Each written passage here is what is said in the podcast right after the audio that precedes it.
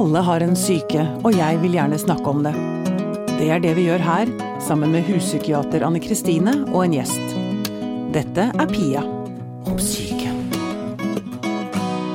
Anne Kristine, jeg lurer på om du kan hjelpe meg å sette en diagnose på samfunnet vårt? Du og de diagnosene dine. Ja, ja, ja. Men det, du skjønner, det er, det er noe som har slått meg de siste årene. Det, det, er- jeg mener det har skjedd noe alvorlig her. Eh, folk svarer ikke på mailer lenger. Og henvendelser, seriøse henvendelser. Har du merka det? Nei. Har du ikke? Eh, jo. Eh, men jeg liker ikke å snakke sånn på gruppenivå. Noen svarer ikke, og noen svarer. Oh, ja, ok. Men jeg Ja. mener at det er en klar tendens til at det er, liksom, det er lettere å ignorere mailer og henvendelser og sånn. Fortrengning kalles det. Ja, ok. Ja. Du vil ikke sette diagnosen? Jo, det er diagnosen. Det er ikke en sykdom, men det er en tilstand. Fortrengning. Det fungerer en stund. Du, eh, gjesten vår i dag, Thomas Seltzer, velkommen hit. Takk. Vet du hva? Nå klødde jeg meg. Er det så sensitivt man kan høre den kløinga? Er det litt fascinerende lyd?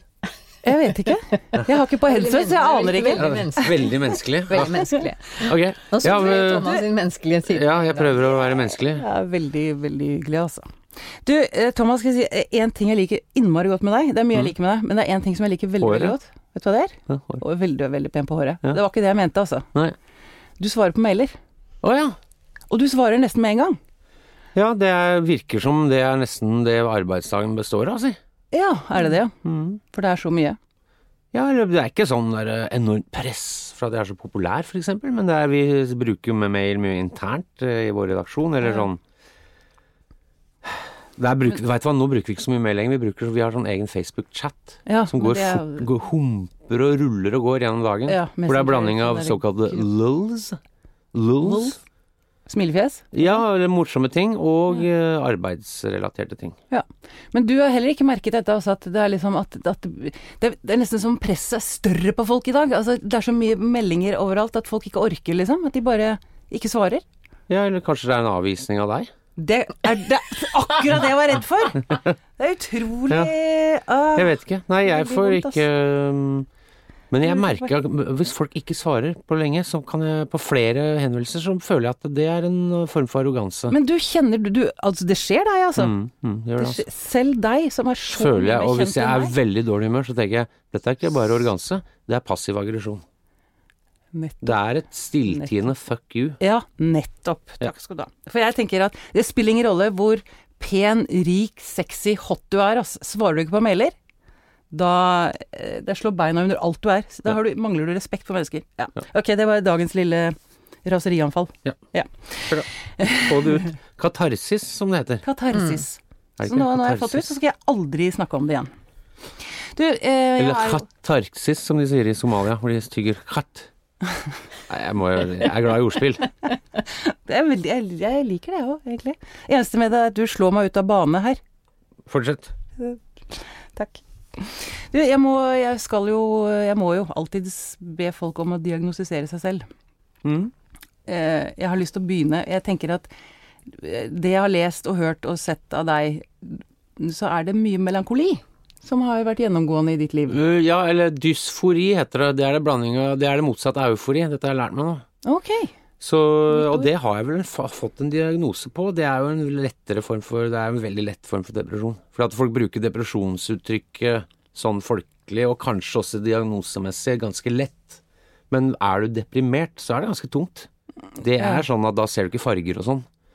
Og du kommer Eh, deg opp av senga, og det er litt Ja, jeg har, ikke, sånn- jeg har vel vært der med fargene, kanskje, men det er lenge siden. Men jo, jeg, skal jeg dysfo kan være, ha dysforiske episoder. Mm. Litt narsissist, for det er alle som er artister og er på TV og sånn. Bare at mm. folk liker ikke å innrømme det. Mhm. Og narsissisme er jo en spennende diagnose i seg selv, for den, er, øh, den kan gjøre at øh, du gjør bra ting, for at du liker oppmerksomhet, f.eks. Så det kan være en sånn gulrot på en pinne. Mhm. Men narsissisme har også en bakside. -hmm. En litt ubehagelig en. Ja, det er jo eh, den inne, altså den, eh, selvsagt den selvopptattheten og alt dette her, eh, som går med Altså at du er solipsist i verste Altså at du er Du so- flotte ord, sola, sola At du er sola Ja. i universet. Omnipotent. Omnipotent, det vil si at du er, har ereksjon overalt. Men at Du mm, Den baksiden er jo Dette har jeg snakka med Finn Skårderud om, den velkjente psykiateren. Ja, han var her for et par uker siden. det med narsisten er, er helt innerst inne i narsisten, så er det ingenting. Og det vet narsissisten. Så derfor lager han mye ståhei. Derfor er, blir han påfugl. Ja. For, For å å prøve å se om det er et uh, Se om man greier å fylle det hullet. Mm. Men sitter du her og påstår at det er helt tomt helt innerst i deg? Nei, men jeg kan føle det innimellom. Man kan. Jeg, nå ble jeg mann. eh, Man kan generaliserte det veldig. Mm. Nei, jeg tror alle, alle kan føle på det. Nei, jeg øh, Innimellom kan man Nå sier jeg mann. Jeg, mener jeg. Ja, mm. Jeg bare sier mann. ja. Det er jeg mener. Jeg mener meg. Mm. Ja, det er greit. Av og til kan mann, man, kan én, Mm. øh, Noen og enhver. kan noen og enhver føle på det, tror jeg. Ja. Har du noen kommentar til det, fagperson Anne Kristine?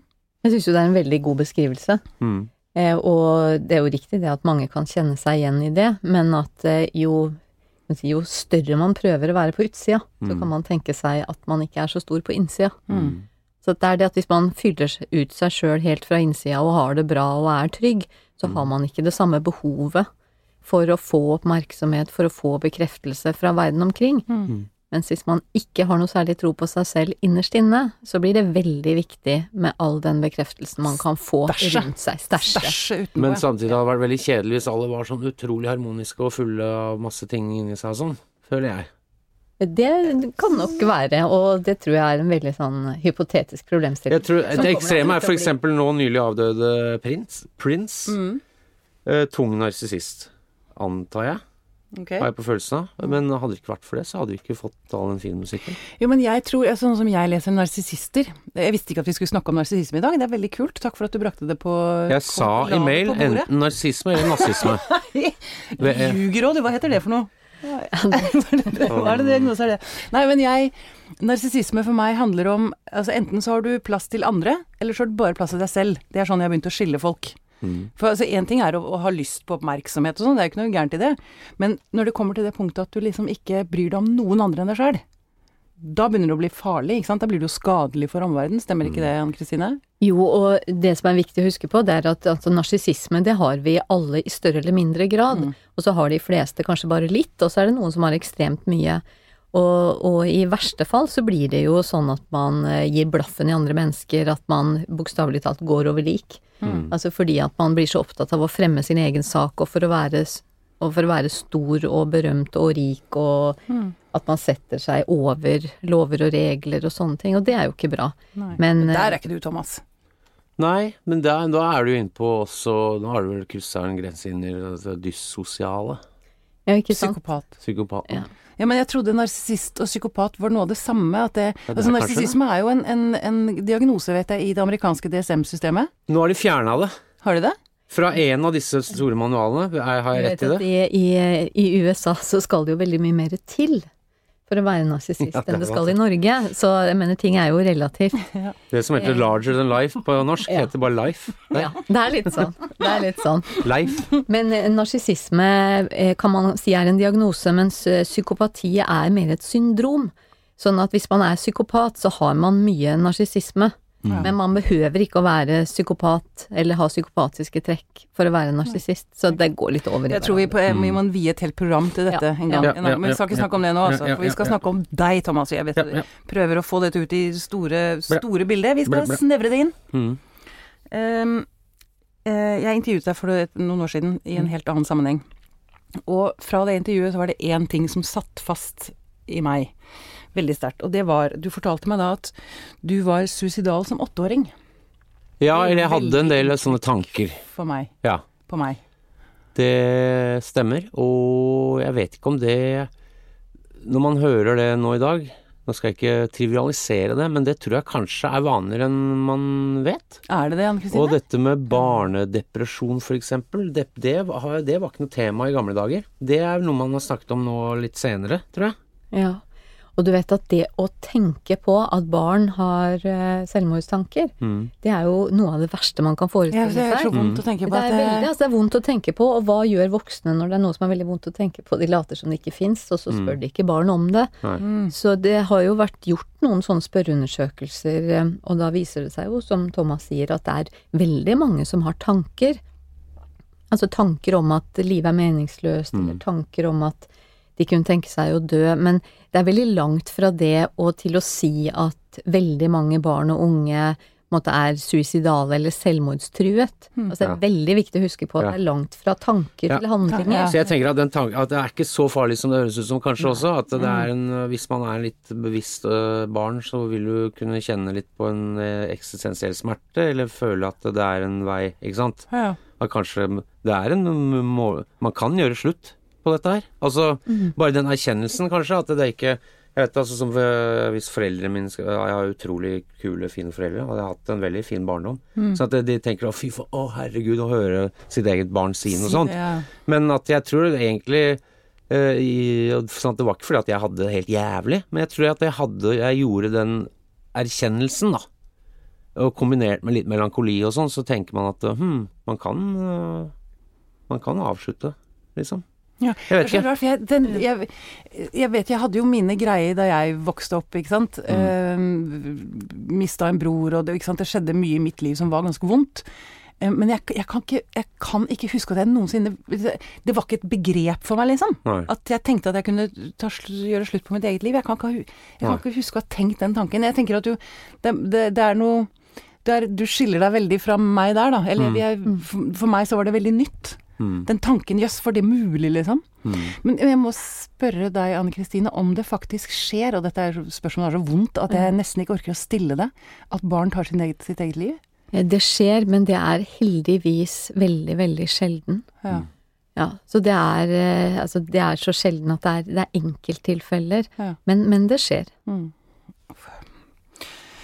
Ok, Um, Thomas, du um, vokste opp, Em, og så um, havna du inn i rus. Ja. Kan ikke du fort, kort fortelle hva som skjedde?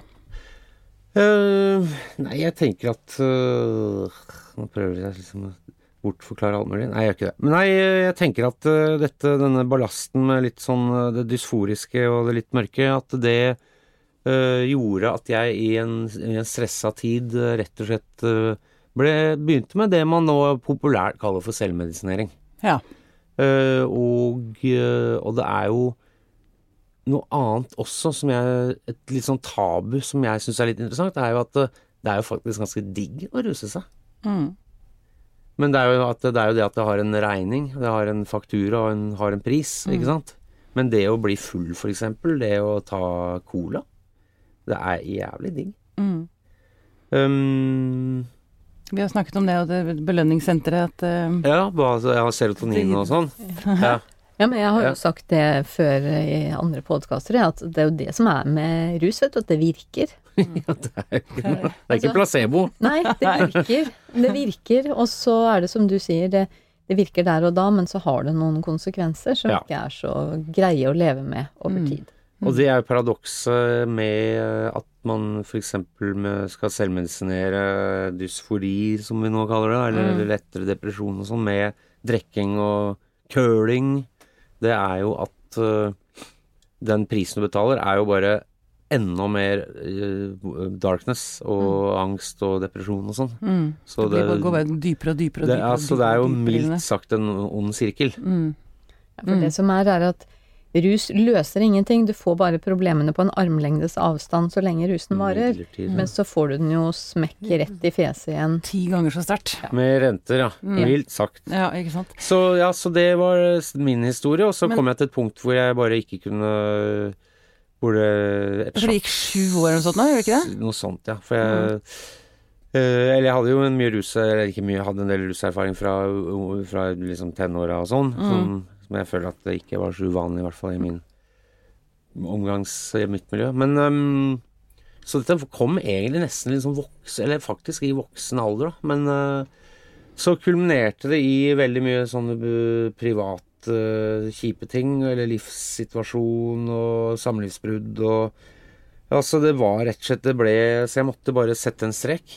Eh, og da var jeg Da var den eh, veldig Da var jeg ordentlig deprimert. Mm. Og da fikk jeg vel også den diagnosen Ja, så da var, var jeg var i terapi, og det å begynne i terapi, det var nesten Eller ikke nesten, det var som å hoppe fra sånn bungee cord-bro. Det er skummelt. Det er veldig skummelt. Spesielt fordi jeg har fått og tenkt på det i mange år at jeg burde begynne med det. Men hvordan er det?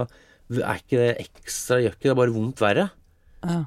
Å grave i mm. Ja, altså man snakker vel om det man kaller for retraumatisering. Mm. Ikke at det, men altså hvis noen har blitt utsatt for noe kjipt, og så skal de gå i terapi og snakke om det en gang i uka resten av livet, eller altså sånn Mm. klassisk sånn ligge på Freud-sofa, så tror jeg vel det er noe forskning som viser at man blir ikke noe spesielt bedre av det, kanskje. Spør han.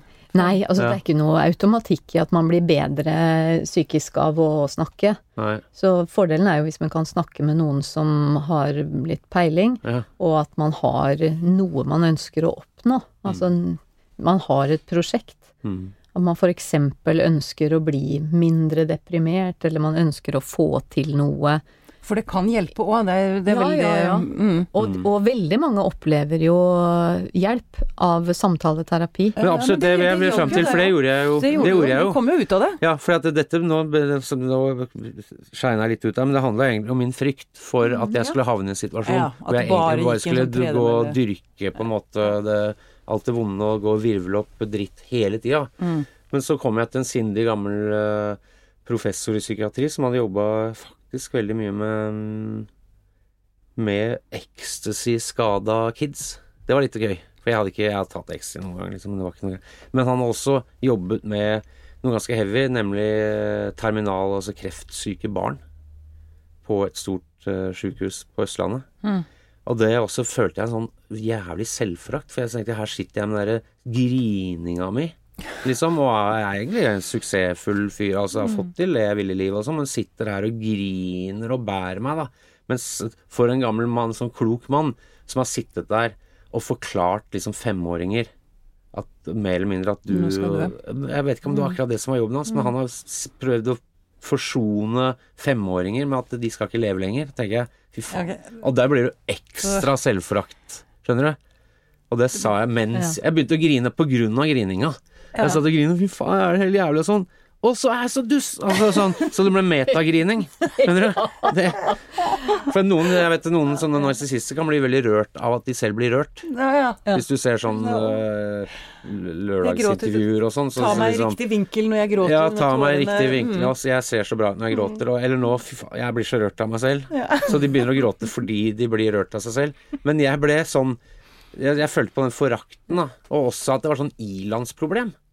Ja. Så Nei, Men- det er jo men det er Men det funka jo, det jo Det var, jo et, det var jo et reelt problem i livet ditt. Altså, så vidt jeg husker, så, så gikk du inn til en tilfeldig lege i Stavanger og sa Ja. at du må hjelpe meg, for jeg, jeg, jeg, holder på å dø. Ja. Og det var ikke han jeg endte opp med, da. Men han ville gjerne begynne med terapi. Han var sånn skipslege. Eller han var sånn, som fylte ut sånn helseerklæringer for folk som skulle på sjøen. Å ja. Så han var ikke noe, var ikke noe terapeut. Men han bare Ja, jeg kan prøve å hjelpe deg. Ja, kanskje slå opp med sånn manual. Altså, han var jo veldig vennlig, så det var jo behjelpelig. Det var jo liksom det var positiv attitude, da. Jo, men poenget mitt er at du hadde det vondt. Altså, det Ja. er dette med å sammenligne seg, ikke sant. Det er noe Mm. med at det er alltid noen som har det vondere. Mm. Men det er lov å ta seg selv på alvor. Ikke sant? Ja, man Absolutt. vil jo gjerne det. Så, og det tror jeg også er et manneproblem. Vi snakket jo om selvmord på Trygdekontoret nå. Mm. Den sesongen som var, og da snakket vi med han eh, veldig flinke professoren, eller han eksperten på Mm. selvmord, og han var jo langt på vei Eller han bekrefter jo det, at det er et mann, litt sånn mannsproblem. Altså, jeg tror vanlige norske menn eh, det, det å skulle gå liksom til en terapeut og lette på sorg og, og sånn, at det blir sett på som Fy faen, det er sånn Det er liksom sånn kjerringaktig slash spa-aktig. Ja. Du skjønner? Det er noe sånn Det er synd, altså. ja, det er jævlig synd, og det er jo det som som tar. Det er jo faktisk det som tar disse mennenes liv, Liv, ja, ikke sant. ikke sant? Fordi jeg har jo et overvekt der på selvmord, tror jeg, av menn. Det stemmer, det. Spesielt over en, en viss aldersgruppe. Det er de unge mennene. Ja, Det er de unge, og så er det de over 50 også er litt sånn i risiko så, Altså det, er, det å være mann og være ensom med den smerten, Ja. den dreper. Ja. Den gjør det. Så oppfordringen her må være be om hjelp, snakk om det. Ja. Sånn Ja. der, ja. Ikke sant? Ja. Um, um, dette med avhengighet og rus, jeg vet du også har vært veldig eh, sterk på eh, og klar på at dette med at Vi romantiserer veldig ofte rus og psykiske lidelser. Ja. Det liker du dårlig, vet jeg. Ja, jeg føler at det der går en Men det er liksom litt for lettvint å skylde på med massemedia. Mm. Men øh, jeg føler at øh, det har blitt veldig mye sånn lanseringsjournalistikk. Mm. Øh, man kan nesten ikke gi ut en plate eller skrive en bok eller lage film lenger uten å samtidig stå fram i sånn åpenhjertig lørdagsintervju. Mm. Og det mener jeg er dumt, for at øh, en artist som Lido Lido, altså sånn 20-årig øh, musikalsk geni, jeg føler at han, han kommer ikke til å bli tatt på alvor før han har en eller annen møtte veggen-historie. Det er et eller annet med at vi, vi lærer opp kommende generasjoner, eller vi lærer opp unge folk til at øh, du, kunsten din er ikke så jævla interessant før du har noe sjelen i mørket å vise fram. Ja, altså det er noe sånn hydraulikk at smerten skaper kunsten og sånn, og den tror jeg har vært i Det er en romantisk greie som har vært i flere hundre år. Ja. Så det er ikke bare lørdagsmagasinet i Dagbladet og VG og sånn som har skylda i dette her. Nei. Men også tror jeg også leserne vil ha det. Jeg tror det er en levende forestilling, og vi syns jo Jim Morrison er litt mer interessant eh, artist enn om han hadde overlevd og gitt ut litt dårlige soul-plater på 80-tallet, for eksempel. liksom. Ja, nesten, altså. Driver den derre Sigel, eller? Jeg tror du sitter nå. Bøye deg litt lenger ned. Sitter og sier. Thomas, Ja, sånn at nærmere det, det er det ene. At vi, det der, den lidende kunstner skaper den mest interessante kunsten. Den lever. Mm. Og kanskje det også er noe i det. Hvem veit? Ja. Kanskje um, Det er jo noen store forfattere og sånn som vel har måttet nesten vært avhengige av disse mørke stundene for å få til ting. ja og Samtidig som de blir lammet og altså, mange musikere altså, opp igjennom som Ja, sånn uh, Lars Hertvig eller han hadde van Gogh. van ja, Gogh. Van Gogh, ja, akkurat Altså, altså det, de folka der, at de må liksom titte ned i mørkets avgrunn og kjenne den avgrunnen. Det er det ene. Mm. Eh, Men jeg føler at eh, vi må bare få normalisert at det, å ha mentale problemer er Det skjer også helt vanlig dølle folk. Mm. Det er som å få en inngrodd tånegl. Og da tror jeg det, Og det samme gjelder med rus. Jeg er jo veldig glad i Ingvar Ambjørnsen. Mm. Eh, Men jeg føler at den spesielt den derre 68-78-generasjonen har vært veldig flink til å selge inn en sånn forestilling ja, Nå blir det sånn forkleinelse av Ambjørnsen. Han er veldig kul, og han har på en måte skrevet om rus på en måte som jeg setter veldig pris på. Da. Men altså, den derre litt hippieaktige greia med at uh, den, der, den siste indianerstammen står nede på plata med knekk i knæra. At det er outcast, liksom. Øhm, men så tenker jeg at uh, det blir feil, for vi- vet statistisk at den gruppa med Norge, i Norge, befolkningsgruppa i Norge som har høyest ø, andel av rusproblematikk, er faktisk ansatte i helsesektoren. Altså det er leger og sykepleiere. Oi. Sånn at det er vanligere um, Sånn at de man ser på plata, Det er jo jo det er til- ekstremutvalget, ikke sant? Ja, ja. Uh, som selvsagt har sine historier og er outcast Mm. uh, i kraft både av historien og det situasjonen de har havnet i. Mm. Men altså det å ha et rusproblem er også da vil jeg også Jeg vil prøve å få det til å bli på status med inngrodd negl. For det tror jeg vil politisk sett vil kunne føre til noen store endringer og store hvilke reformer. Drømmer du om da? Hvilke reformer drømmer du om? Jeg, at øh, mm, Nei, altså det store, virkelig store som jo det nå er mye oppmerksomhet rundt, er å se på rus som et medisinsk problem, og ikke et juridisk, kriminaljuridisk problem. Det er den virkelig store reformen. Ja, hva ikke tenker sant? du om det, Anne Kristine? Eller hva tenker du om ting, det Thomas har sagt nå? Han har sagt eh, veldig mye eh, interessant her. Eh, og det som er helt sikkert, det er at vi må bort ifra eh, rusproblemer som en slags moralproblemer. Mm. For altså hvis vi tenker Vi skal ikke så mange år tilbake før det liksom var en moralsk svakhet Ja, å, å ruse seg, og for den saks skyld ha psykiske problemer. det tror jeg lever ennå, altså. det tror jeg også henger igjen fortsatt. Mm. Og der mener jeg at helsevesenet har en jobb å gjøre og, og ta de sykdommene som vi har vært innom nå, altså på, med samme grad av alvor Mm. som somatiske sykdommer. Mm. Og jeg har jo observert det sjøl med gru noen ganger, at uh, unge jenter med selvskadingsproblematikk f.eks. har blitt sydd uten bedøvelse. Altså får beskjed om at ja, vil du ha det vondt, så skal du få det vondt. Og, og, da, altså, og da tenker jeg Det handler, ja, men- altså. ja, men det handler om en sånn mangel på forståelse for at dette er sykdom og lidelse, og at man tror at det bare er å, å ta seg sammen. Så vi må bort Vi må i hvert fall bort ifra det her moralske aspektet. Mm. Og så tror jeg det er en veldig eh, en veldig krevende diskusjon eh, foran oss når det gjelder dette med hva, hva skal jussen regulere, og hva skal medisinen regulere. Mm.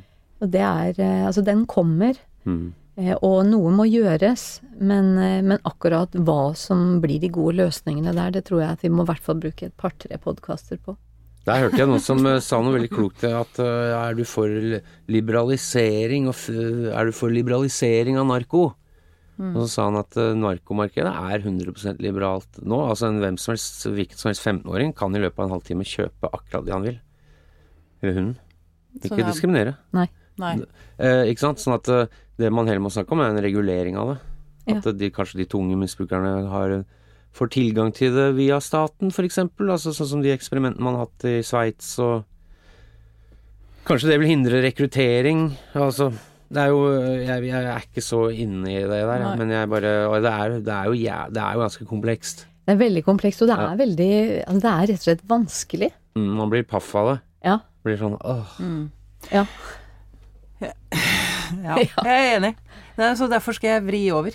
Mm, Jeg må, jeg må spørre deg om noe, for du er så innmari mye kulere enn meg. takk. Vær så god. jeg bare overhørt jeg, jeg har lyst til å snakke om å være ung i dag kontra å være ung da vi var unge. Vi er omtrent like gamle. Du er litt yngre enn meg. Jeg skal, jeg skal gi deg den. Okay. Eh, men jeg overhørte en samtale på trikken en fredagskveld. Mm. to unge mennesker, en gutt og en jente. Og så sier han fyren De kjente ikke hverandre så godt. Så sier han fyren Du, vet jeg at jeg er nok mye mer punker, redneck og hipster enn du forstår. og så satt jeg og tenkte Hæ? Hva er det han prøver å si? Det var mye på en gang. Ja, kan du oversette? Nei, jeg veit ikke. Han prøvde vel å si at den var unik, da. Ja. ja. Masseindividualist, si. Masse individualist, ja. For jeg lurer på om kodene i dag er utrolig mye mer kompliserte enn de var da jeg var ung, altså. Altså, da var det, altså Enten så lik, likte du disko, eller så likte Ja. du rock, liksom. Og det var, det var de to Husker du den tida, eller? Jeg gjør det. Utrolig Men eh, det- altså, hvis, folk, hvis unge i dag skal navigere gjennom disse nyansene her, da Mm. det må være, De må være helt utslitt. Ja. Men så har du jo Jeg tror kanskje det ikke er så forpliktende. Altså På 80-tallet, ungdomskultur på 80-tallet, det var jo en del av kalde krigen, nesten. Sånn forlenga arm. Altså Enten så var du streit, eller så var du friker. Ikke sant? Det er det nettopp. Det var jo altså, det var ikke noe mellomting, og det var sånn Jeg husker jeg fikk jo juling en gang for at jeg var liksom punker, da. Og det å få juling for musikksmak, det tror jeg ikke så mange får lenger. Jeg tror, jeg tror du sikkert får juling, men av andre grunner. Sånn at du investerte og du visste at du kunne få juling, så risikoen var du jo klar over.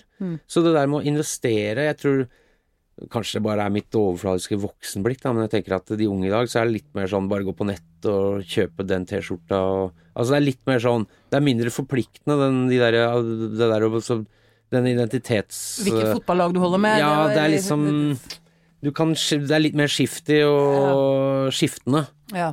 tenker jeg. Men det, jeg må ta med forbehold om at jeg egentlig ikke veit hva jeg prater om her. Altså. Så jeg, jeg har en 14 år gammel stedatter som er veldig kul, og hun er rockedame. ja. Og hun er veldig, brenner veldig for det, så det er ikke noe sånn at hun bare dagen etter så har hun bare glemt det, liksom. Mm. Hun lever seg hun, For henne er det en viktig identitetsmarkør. ja. Men vi snakka litt med kjæresten min om det, om det er sånn at um, de jentene som liker rock, hater de de jentene som liker Justin Bieber. Mm. Og det tror ikke Jeg tror de kanskje ler litt av dem og sånn, men jeg tror ikke de frontene er så steile som på 80-tallet, da. Nei, ok. Men du, så du tror kanskje det er enklere å vokse opp i dag? I hvert fall det greiene der. Ja. At du kan skifte litt, liksom. At, Uten at det er så jævlig farlig. For det var veldig mye sånn snakk om å være ekte før.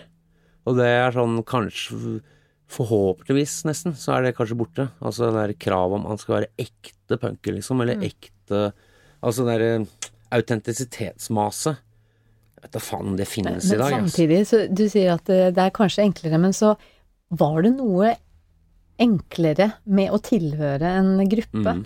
Fordi at nå er det mer hver mann for seg, hver kvinne for seg. Kanskje, altså at altså. man må finne sin egen vei og sin egen identitet. og det er det som jeg sier, og må slutte å si til ungdom at du kan bli hva du vil. Altså det derre mulighetstyranniet. Ja.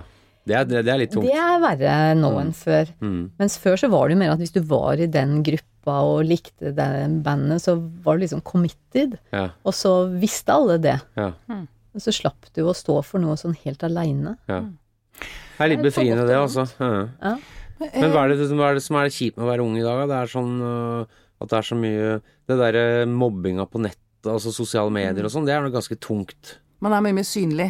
Ja, og likes, liksom. Altså, ene jenta får likes, og jeg følger jo Skam. Serien. Ja, Og jeg legger merke til at de sitter jo der og venter på I hvert fall i den første sesongen så var det litt sånn at hun og Eva satt og venta på litt sånn likes og litt svar. Altså det å sitte og vente på ting i sosiale medier, den kan jeg kjenne litt på sjøl òg, for jeg er veldig glad i sosiale medier, ikke minst Facebook. Jeg vil si at jeg på en måte er en slags konge av Facebook, da. Oi! I hvert fall i mitt miljø. For det, det, det er ikke noe nødvendigvis noen hedersbetegnelse, men det betyr at jeg er den som poster flest ting i løpet av en dag. Mm, hvor mange var, hva er snittet? The hardest working man in showbiz, altså hardest working man in? Facebook. Nei, jeg vet ikke. Jeg kan Jeg pleier å si selv at jeg poster 200 ting hver dag. Det gjør jeg ikke. Jeg overdriver. Men øh, Nei, og da Når du poster så mye, så er det ikke så jævlig nøye, men det, det innimellom, hvis jeg poster noe som jeg syns selv er det sånn, betyr noe for meg personlig, eller jeg, noe jeg syns er ekstra kult, eller jeg syns at noe Dette her burde folk få med seg, for dette er faktisk viktig, da kan jeg følge litt med på, på likes og litt sånn derre Hæ, får jeg ikke mer enn åtte likes på dette? Det er det beste jeg har posta hele uka. Du skjønner? men men jeg tror at når du er 14 år gammel eh, jente, så tror jeg det er ganske heavy, ass. Ja. Men jeg skal ikke se bort fra at det å være 50 år gammel Kan gubbe være. kan også at vi kommer til å Vi begynner å ta til oss litt av den derre nevrosen der etter hvert. Ganske heavy for oss voksne òg, Mm. kan være. Absolutt. Hvis man, hvert fall hvis man liksom belager seg, hvis det er der man finner identiteten sin og tryggheten. Hvis det er der man skaffer seg bekreftelse. Ikk, nettopp, det var det. Mm. Du, um, i, i dag er du, har du, vil du fortsatt si at du er melankolsk? Du fortsatt eh, Eh, Eller er det sånn at Jeg lurer også på Jeg tror det er mange som tror at bare man blir kjendis, så blir alt fint. Da er, da er det bare livet en dans på roser, og alt er bare gøy. Er det sånn? Ja, nei, jeg pleide jo en gang Det var litt gøy, for jeg så en i band, en rockekollega, en i Dimmeborger, sa en gang i et intervju at Og det, det syns jeg var jævlig gøy, for jeg følte han kødda med mye sånn uh, på en måte narko, hasj, ikke minst hasj-filosofi. Men han sa etter at jeg begynte med speed, har jeg blitt et mye mer åpent og aksepterende menneske. Alle vet at hvis du tar Altså, amfetaminmisbruker, kan tvert imot bli det motsatte. Kan bli ganske edgy og, og veldig stressa og sånn. Og jeg bare syns jeg likte den humoren. Jeg skjønte akkurat hva det var han kødda med. Eh, men så eh, Og så etter at vi hadde begynt å tjene litt penger med, med bandet vårt og sånn, så begynte jeg å si det i intervjuer at eh, etter at jeg ble Og det syns jeg Jeg syns det var humor, da. At eh, jeg pleier å si etter at jeg ble millionær, har jeg blitt et mye mer åpent og aksepterende menneske. Og det er sånn der, det kan jeg merke, tenke at folk blir litt irritert over. Men samtidig er det jo noe med at eh, ja, når du ser på litt sånn Hollywood liberals og sånn, altså det er litt lettere å være på en måte game og ha mye sånn Når du ikke har så mye bekymringer i hverdagen. Altså sånn Du har ikke økonomiske bekymringer, når, du- når og du du blir slipper invitert de på masse fester. Ja, ikke sant. Det er jo der? Ja, det er liksom Kort sagt, da. Det er bedre å være, ha litt godt humør og være litt raus og sånn når du har jævlig mye spenn og har Ja, ja, masse ja. venner og blir invitert på fester, som du sier, da. Mm. Jeg bare synes, jeg likte den humoren i det, da. ja, ja. Så, men jeg, ja, så jeg har jo ikke noe sånn økonomiske problem, for eksempel, da. Og det mm, Men har du fortsatt sånn innimellom at du liksom ligger i fosterstilling og ikke har lyst til å stå opp fordi du ikke Nå har jeg liksom greid å En ting som er veldig viktig, som jeg, folk som hører på også Som jeg vil at folk skal notere seg, det er det at For apropos det å være sånn rocker og punker og sånn, ha den derre På 80-tallet så skulle man jo ikke være i fysisk form. Nei. For det var jo bare sånn Bjørn det er sånn langrennsfolk og bodybuildere. Og det var per def eh, streite kjipinger. Bare spiste Men så har jo jeg skjønt etter hvert, jeg merker nærmest ved en tilfeldighet, at jeg blir bedre mental form av å trene litt eller være i fysisk aktivitet, da. Mm. Så det har jeg drevet en del med de siste åra, og det har faktisk øh, formet øh, Eller gitt meg en velvære, da, som jeg ikke hadde før. Ja. Og jeg har et møter innimellom. Det hender faktisk Jeg har fått en slags posisjon som sånn eh, eh. Eller sånn pluss også at jeg er halvveis utdannet psykolog. Det er du, ja! Det Sånn at eh, folk eh, Det hender jeg får sånn Spesielt fra sånn yngre rockekarer. ja. Som bare sånn, oh, fy, som har vært liksom Festen har vart i et par uker og sånn. Og da sender de meg Facebook-melding bare 'fy faen, Selters'. Nå har jeg det vondt. Hva skal jeg gjøre? Og da sier han du må bare komme deg ut, og så må du løpe i 20, 20 minutter minst. Ja. Selv om du er sliten. Så vil du i hvert fall kunne få nok eh, litt sånn endorfin Altså du vil, da vil du i hvert fall kunne få sove litt i kveld. Mm. Og det er en resept er som faen meg Du er virkelig kongen av Facebook. Du er jo Ja, jeg er psykolog, rett og slett. Facebook-terapeut, ja. Terapeut, ja. Sånn at uh, Til og med på SMS òg. SMS-terapeut, vil jeg også si. Yes. Sånn at um, Og den For jeg tror det henger litt igjen, spesielt i den kulturkretsen min, da, at øh, det å Fysisk aktivitet er liksom ikke noe man driver med, men man må bare gjøre det, ass. For hvis ikke så blir du Spesielt Det er det jeg vil fram til, at jeg kan få, få melankoli og få litt kjipangst og kjenne det mørket liksom bite meg litt øh, i halen Mm. av og for eksempel en helg på fylla. Ja. Og ikke bevege seg, og Ja. ikke være ute, og ikke Og den tror jeg alle kjenner på. Det, jeg må spørre også legen og psyk psykiateren om det. det, det. Dette er det jo også forsket vanvittig mye på, er det ikke det? Jo, og det er helt riktig at eh, fysisk aktivitet er veldig bra også for den psykiske helsa. Mm. Og både det å være, altså bruke kroppen, om det er å gå en tur eller løpe eller sykle, spiller ingen rolle, men Mm. å bruke kroppen. Mm. Eh, og det å være utendørs, Mm. altså det å få litt dagslys inn i øynene, Mm. Det er eh, også undervurdert. Mm. Mm. Det har jeg Hvis også hørt. man eh, beveger seg en halvtime utendørs med åpne øyne Mm. hver dag, Mm. så er det forebyggende for depresjonsutvikling. Og også et triks hvis du føler deg veldig deppa. Mm. Så Dette er et triks jeg har lært av eh, dama mi, for hun er jo psykolog. Mm. Og det er at du tar en blyant på tvers i munnen og tvinger For hvis du, la, hvis du øh, muskulært øh, bru, lager smi, smil Det der med å smile til verden og verden smiler til deg, det er ikke kødd. Nei, det er ikke det. Det er at hvis du later som du er glad Dette høres jo jævlig Dette bryter jo veldig med mye av som står i Damebladet, og jeg hadde en sånn maske på meg, men inni meg var det litt jævlig. Men hvis du smiler, hvis du tvinger ansiktet ditt til å smile, så vil det trigge noen øh, nevrokjemiske greier, kanskje? Er det det? Helt, helt riktig. Som faktisk skaper litt velvære. Du blir ikke nødvendigvis kjempeblid, men du kan føle deg litt bedre, og det er helt sjukt. Og det kan du også få til ved å stikke en blyant på tvers i munnen, I munnen. og tvinge for å få munnen, øh, ansiktsmuskulaturen til å etterligne smil. Hjernen er jo blind, så når du gjør det, så lurer du hjernen til å tro at du smiler. Ja, tenk på det. Men jeg må komme med ett tips til, som jeg har kommet, funnet ut helt sjøl. Mm. Det er når jeg har det vondt og er Da har jeg det med å lukke meg inne. Mm. Eh, lukke døra og være ivrig, ikke sant. Hvis jeg klarer å tvinge meg ut, og på en trikk eller hvor som er butikken, møte blikket til folk, Mm. det har jeg oppdaget kan virkelig snu dagen, altså. Ja. Altså, Rett og slett altså, se at det er andre mennesker, kjenne igjen seg selv i andres blikk. Det også funker veldig. Mm. Det er et bra tips. Mm. Yes. Ja, og så er det jo flere sånne fysiske ting. Altså når man er eh, nedfor, så får man mest lyst til å krabbe sammen og bli en liten ball. Mm. Men hvis man da motvirker den eh, lysten, og heller stiller seg opp og strekker armene i været, Ja. så er det vanskeligere å være nedfor. Yes. Så, Da, apropos, da må jeg komme med en ny Jeg har prøvd yoga lite grann. ja. Men det er helt innafor rockemessig, for alle vet at eh, kongen av moderne rock det altså. Kongen av moderne rock, det er jo Iggy Pop. Alle veit at vi 50-åringer, vi sitter bare og drikker øl og hører på Iggy Pop. Mm. Uh, og Iggy har jo jeg møtt ved flere anledninger og spilt sånn festivaler og sånn, eh, og liksom delt scene med og sånn, og han er faktisk Nå er han jo 68, han er snart 70, tenker jeg. Mm. Og han er i en jævlig god form. Men altså, det er litt absurd, for han har jo den der sente kroppen, og så er han veldig brun, han bor i Florida, så han begynner å se ut som litt sånn gammel skinnstol fra Skeidar. sånn stressless. Men han har jævlig mye muskulatur og sånn, og det Jeg spurte da trommisen som heter Larry, som bor her i Oslo, faktisk. Han mm trommeslageren til Igerpop. En veldig interessant fyr.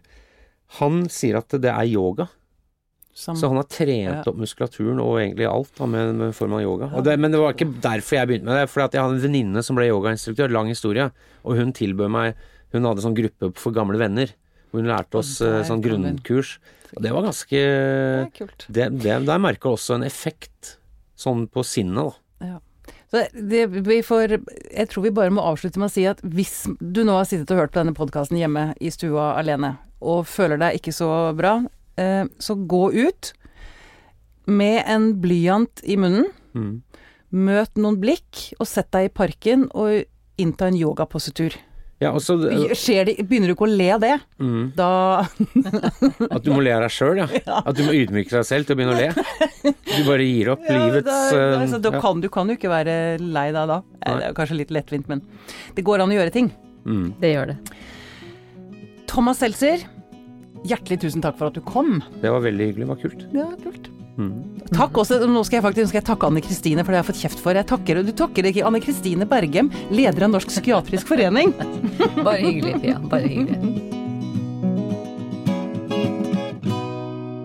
Denne Podkasten er produsert Av Tid og Lyst.